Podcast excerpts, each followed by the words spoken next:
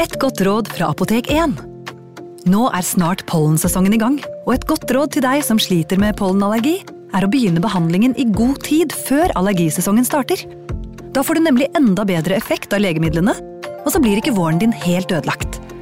Kom innom og få råd på ditt nærmeste Apotek 1, eller chat med oss på apotek1.no.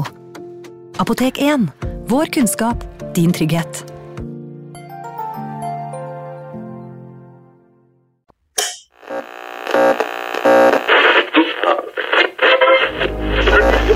Vi skal gjenta særmeldingen i dag. Nummer én Kjerringa er galen. Nummer to På ski over lyng og kvast. Nummer tre Baklengs inn i aftensangen. Baklengs inn i aftensangen.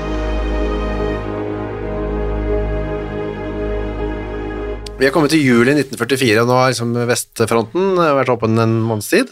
Og det drar seg til uh, ute i Europa, på østfronten. Uh, også i Norge nå begynner det, jeg synes det begynner å skje mye rart nå.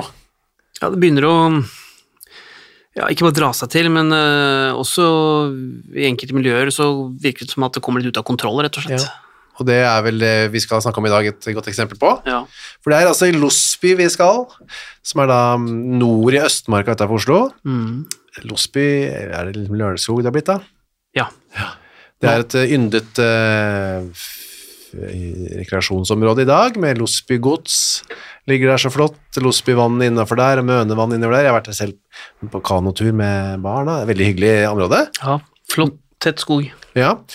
Fine vann, og man kan padle og fiske i. Men akkurat da i juli, sommeren 1944, så var det ganske folksomt inni den eh, Losbyskogen. Ja, inne der så hadde to ulike motstandsgrupper eh, etablert seg, og de drev jo da og, og trente på eh, militære aksjoner, eh, gjorde seg klare til kamp. De forsto jo naturligvis nå at krigen på et eller annet tidspunkt nærmet seg, eh, om ikke slutten, så i hvert fall gikk jo da eh, mot sin form for avslutning, og selv om det var lenge igjen, så, så forsto nok de fleste nå eh, hvor det bar. og eh, en av de motstandsgruppene som da var inne i Losbyskogen her, den eh, tilhørte Milorg distrikt 13, og eh, han som ledet den, det var en eh, 39-åring, en Sverre Robert Fredriksen, han kom fra Oslo. Men det som var litt spesielt da, den sommeren her, var at det også hadde kommet en annen motstandsgruppe ut dit, som, eh, som også drev eh, våpentrening, og det her var en del yngre karer fra Oslo og Nittedalsområdet. Men det som var litt spesielt med dem, var at de ikke var underlagt eller kontrollert Milorg. Nei, det var en sånn, på eget initiativ, det. Ja, det så sånn ut til å begynne med, og de besto i for seg Altså, det var ikke noen sånn liten gruppe, det var en 80-90 personer. Ja, det er ganske mange. Og de, eh, når de sier etablert seg, så bodde de der ute, da? Ja, de eh, Altså, som det ble skrevet da, eh, fra en av Milorg-lederne, eh, var at det ligger en del unge gutter i kritisk alder i Losbyskogen. Ingen av disse tilhører O13, så vidt vi har kunnet bringe i erfaring. Disse karene har til dels opptrådt uforsiktig, og det drives våpeninstruksjoner altfor åpenlyst. Det er vanskelig å få greie på hvor disse får sine våpen fra. Det er sikkert at i hvert fall ett av lagene som ligger der, arbeidet på Nyland eh, verksted. Så problemet her er at det er da en ganske stor gruppe, eller eventuelt flere, som er utenfor Milorgs kontroll, og de driver uforsiktig med trening, som gjør at Milorg nå blir redde for at det faktisk kan eh, føre til at det blir oppdaget, og ikke bare da de Den uforsiktige, men, men, eh, men hele miljøet som er der inne. Ja, for da ligger tett i tett med de, så ligger Asmilorg og trener parallelt. Ja, Men uh, Nyland Verksted kan det jo tenkes at uh, man trodde at de var kommunister. Det var de kanskje òg, eller? Ja det hadde Eller man antok at dette var en, en gruppe med, med en form for eh, kommunistisk tilhørighet, Ja. og etter hvert så, så gikk man eh, langt i å antyde det, og, og man gikk også bort fra i og for seg å kalle de en, eh, en motstandsgruppe, men eh, omtalte de som løse gjenger. Ja, så de mistet status som uh, Ja. motstandsfolk og ble bare en sånn bande der ute, da. Ja, det, det, det, mellom disse to gruppene så spisser det seg til- seg til. Ja. Det er åpenbart. Så nå ikke bare er det liksom uh, mellom nordmenn og tyskere, men også mellom ulike motstandsgrupper. Mm, Um, En spenning som ville vært der lenge, da, men nå ble det liksom satt mer på spissen.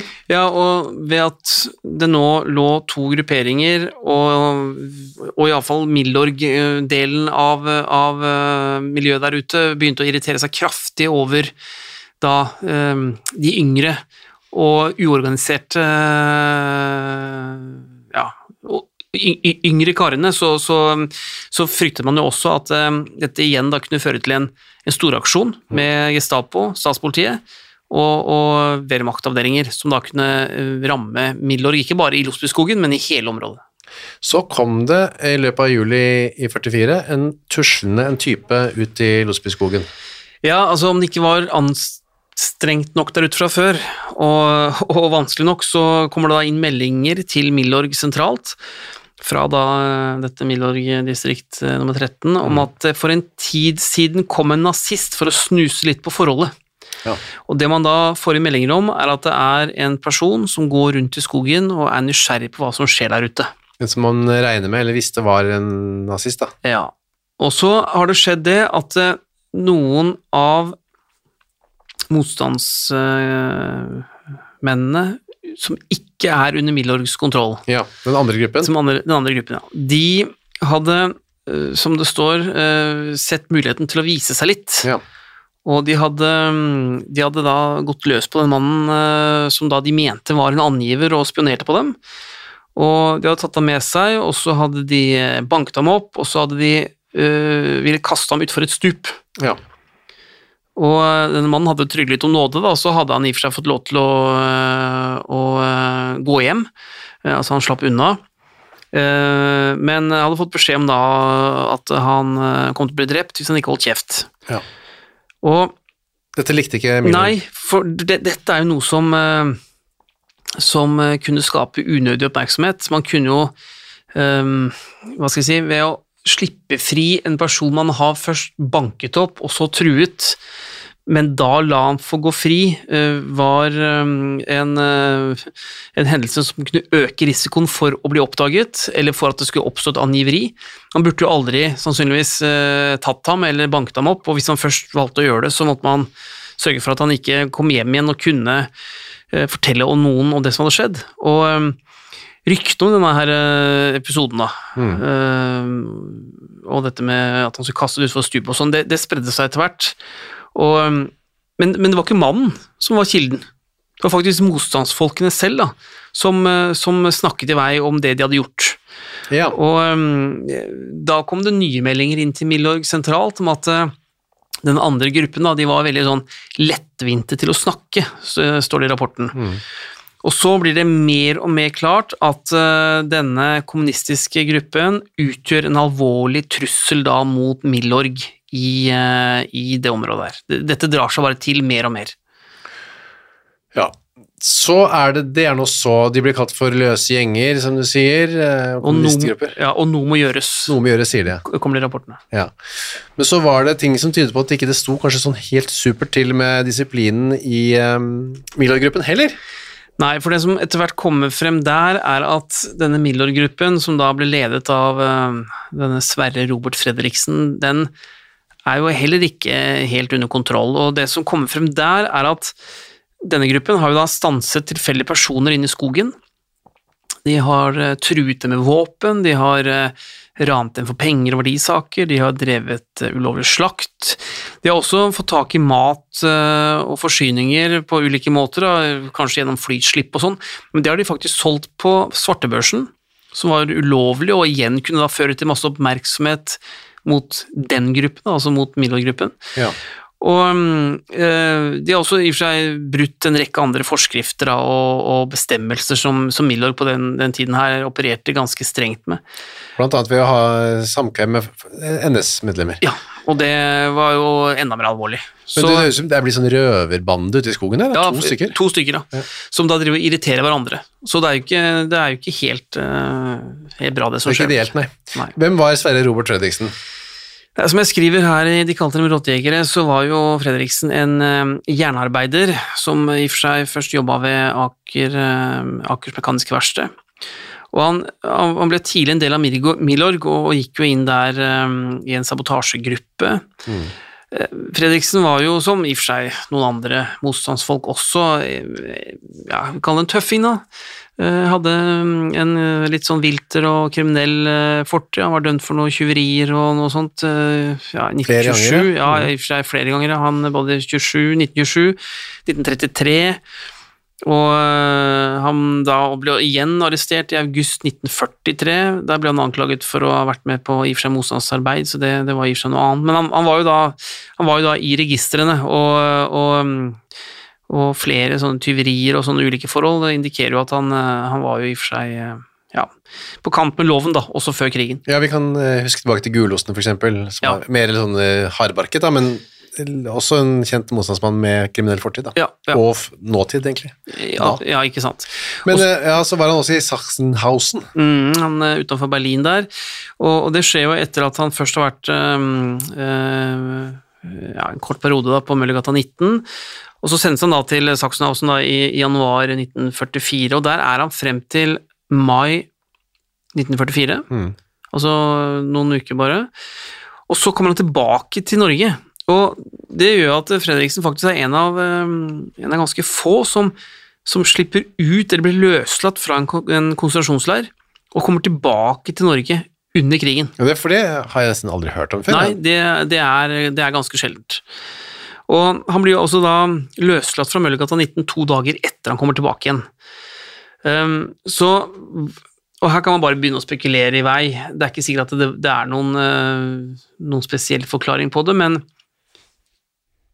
og, og dette har jeg ingen dokumentasjon på, men når det gjelder Fredriksen, men i andre tilfeller så ser vi at personer som velger å gå i tysk tjeneste, de blir løslatt. Ja, for det er lett å tenke seg til. Ja, men eh, det finnes ingen dokumentasjon på det, men det er jo i og for seg, ja, uansett eh, grunn til å, å, å- tenke igjennom om noe sånt kan ha skjedd her, men det som da skjer eh, Hvis vi ser på minne, minneskriftet da, som, eh, som eh, ble, ble laget etter krigen Ja. om, eh, om falne i, eh, i Milorg, så, så står, står Fredriksen oppført der, og at han, han ble løslatt fra tysk fangenskap av sykdom.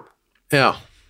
Han var ikke så syk at han ikke ble med, han gikk bare rett inn i denne Ja, og han kan selvfølgelig ha, ha spilt på at han var syk, men, men det vi vet fra de tyske konsentrasjonsleirene, er at uh, ble man syk der, så døde man, Ja. stort sett. Det var ikke sånn grunn til å bli sendt hjem. Nei, han ble iallfall ikke løslatt. Men uh, han var, um, han var en, uh, en tøffing, som jeg sa, og blant kompisene da, i Middelorg så hadde han en rekke kallenavn. Han ble kalt for, for Maleren, og noen kalte han for Gamlingen.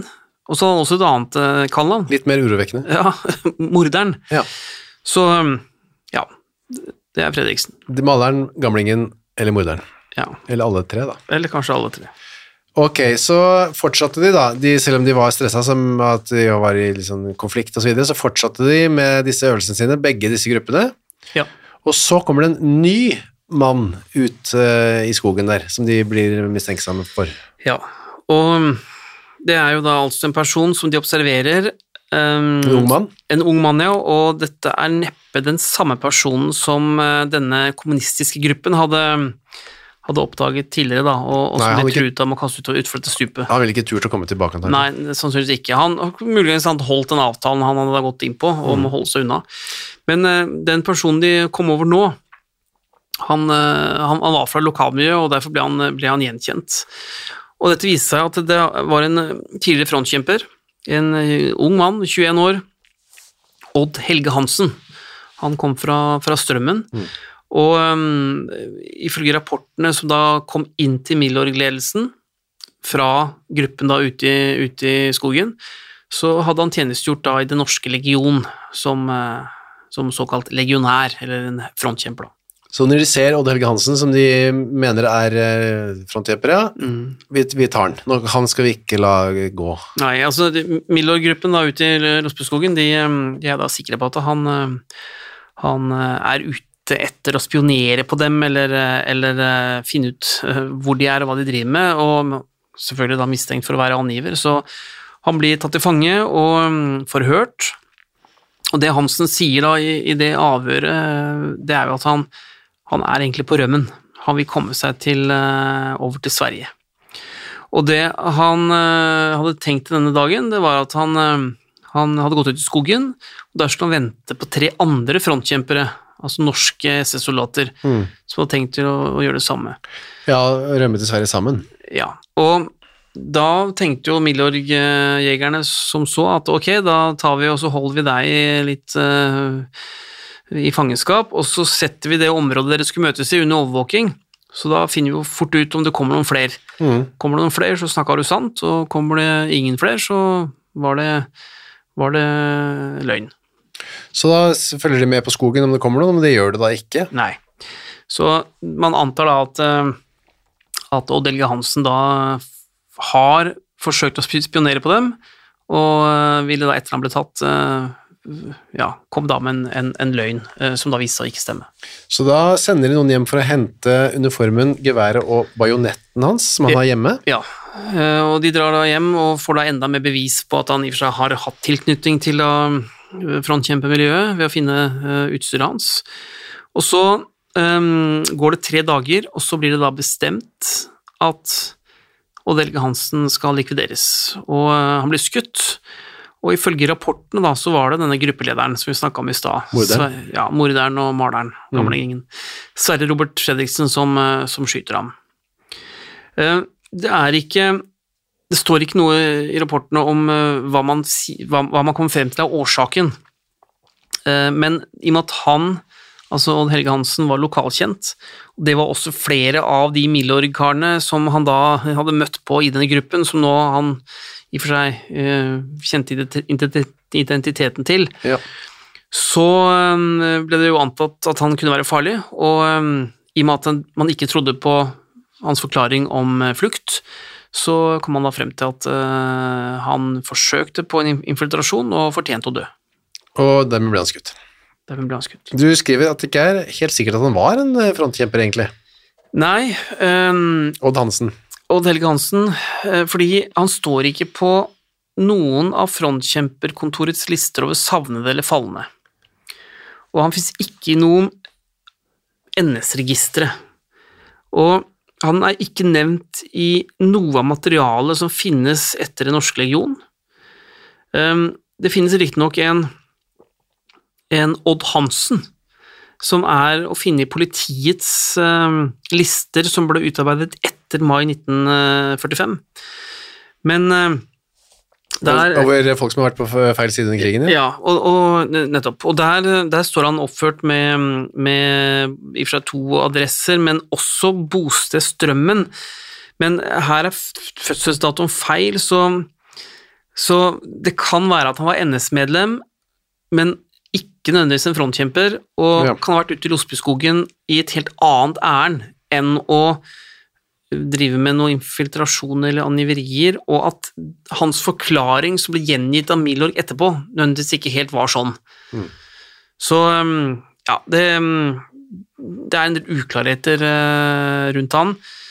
Um, han står riktignok oppført som frontkjemper i Erstatningsdirektoratets oversikter, som, eh, som eh, ble utarbeida etter frigjøringen. Men forklaringen på det er nok at han hadde en såkalt frontkjempekonto i Oslo Sparebank. Ja. Og han kan da ha vært i en eller annen form for tysk tjeneste, men det er allikevel ikke noe direkte bevis for at han var en frontkjemper. Så og han kan vel ha vært interessert i å kartlegge Milorg ute i Losbyskogen, og han kan også ha vært en angiver og hatt forsøkt å, å bli det, men forklaringen om denne frontkjemperhistorien, det er det som er poenget, Ja. den henger ikke helt sammen eh, med dokumentasjonen som finnes om han. Så det kan vi ikke være helt sikre på stemmer. Nei, og um, det er jo det som også kan forklare eh, hvorfor eh, det oppstår uro i Milor-gruppen ute i skogen når det blir kjent at Odd Helge Hansen er skutt. Ja, for da tar denne saken, eller historien, en ny eh, vending. Ja. For da er man han, maleren og morderen, Sverre Robert, Ja. han blir man nå redde for, sier de etterpå. Ja, eh, likvidasjonen av Hansen fører da til spetakkel og bråk, og um, flere av de andre Milorg-jegerne sier nå at de er, de er redde for denne gruppelederen sin. De eh, vet det var han som hadde utført den likvideringen, altså skutt og drept eh, Hansen, men de mener jo at dette ikke nødvendigvis hadde noen god forklaring, og mente at Fredriksen åpenbart hadde psykiske problemer, og led av noe de beskrev som forfølgelsesvanvidd. Og så kommer det opp historier eh, i etterkant her, eh, altså utover sommeren og høsten, Mm. at, at eh, Fredriksen gjentatte ganger hadde rettet sitt gevær mot kameratene sine og siktet på dem. Og han var også veldig uforsiktig med våpen, og han virket som han da ikke hadde kontroll på seg selv. Og mange var redd for at han kunne komme til å skyte noen ved et uhell, altså et vådeskudd, eller, eller på annet vis bli farlig. da. Og så han truet noen eh, Ja. turister. Og det er det som er enda verre, da, at han, han øh, noen tilfeldige feriegjester som han hadde da trua øh, ved en campingplass inne, inne i skogen der. Ja, ved demningen. Jeg Ja, jeg båret kanoen min mange ganger. nettopp. Der gikk han rundt med gevær og truet uh, disse menneskene. Så var, han var ikke i balanse, denne Odd, nei, um, Sverre Robert. Ja, fall er det noen da i gruppa hans som mener at han er, uh, han er ikke skikka til å være leder og er i ubalanse. Så er det uh, tre forskjellige versjoner av hva som skjedde så. Ja, altså Det var tre ulike versjoner av hva som eh, skjedde med Fredriksen etter at tre av hans uh, underordnede eller, eller kamerater da ble enige om å, om å ta, ta livet av ham. Det ene går ut på at uh, han truet noen andre i gruppa med våpen, Mm. og selv ble skutt. I en slags akuttsituasjon Ja, der. en eller, annen, en eller annen nødsituasjon som har oppstått. En annen sier jo at uh, det var kameraten hans som bestemte seg for å, for å ta livet av ham like etter at Fredriksen hadde selv da likvidert uh, Odd Helge Hansen. Ja. Men dette skjedde uten at de var blitt truet eh, av ham direkte. Og så er det en tredje versjon som, som sier at de tre kameratene, da, eller de, de, de tre som var i gruppen til Fredriksen, tok han med seg eh, om natten da ute i et myrområde, og, og at han ble skutt der. Så Og- tre forskjellige versjoner med ulik grad av nødverge, kan man si da. Ja, Uansett hvilken versjon av de, av de tre som er riktige, så førte det til at det ble enda mer bråk i denne gruppen.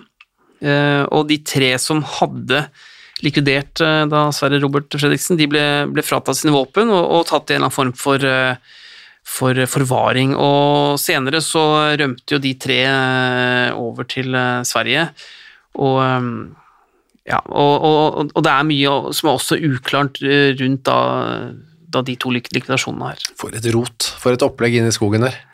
Kom det noe godt ut av den der eh, våpentreninga, de samlingene ute der? Jeg vet ikke det.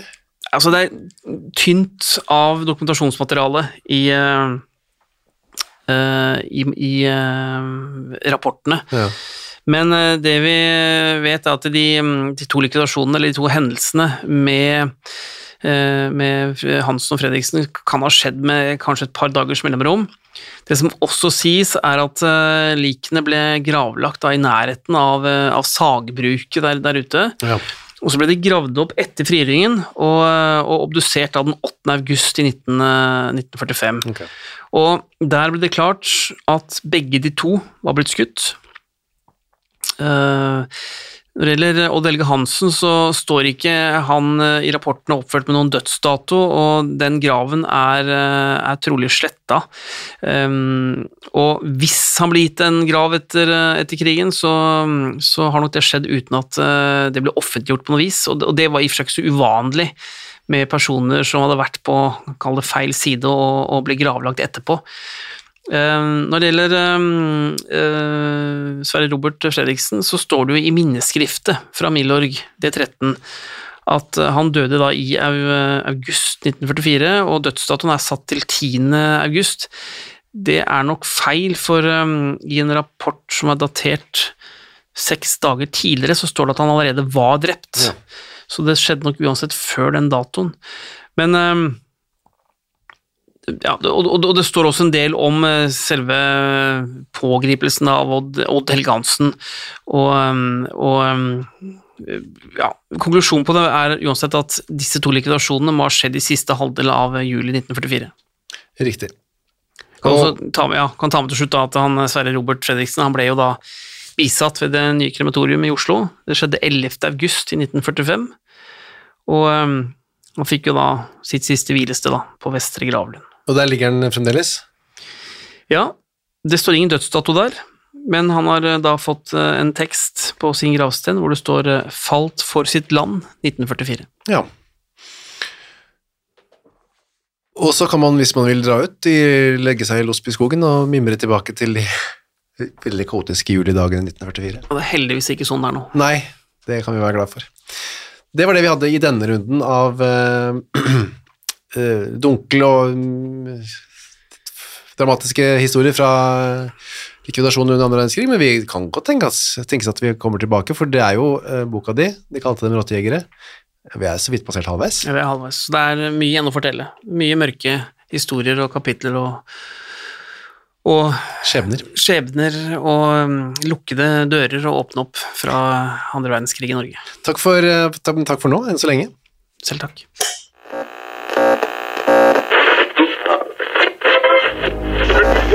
Vi skal gjenta særmeldingen i dag. Nummer én Kjerringa er galen. Nummer to På ski over lyng og kvast. Nummer tre Baklengs inn i aftensangen. Baklengs inn i aftensangen.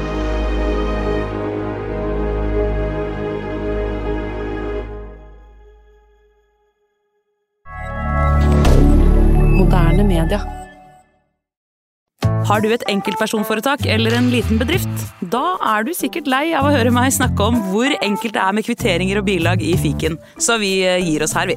Fordi vi liker enkelt. Fiken superenkelt regnskap.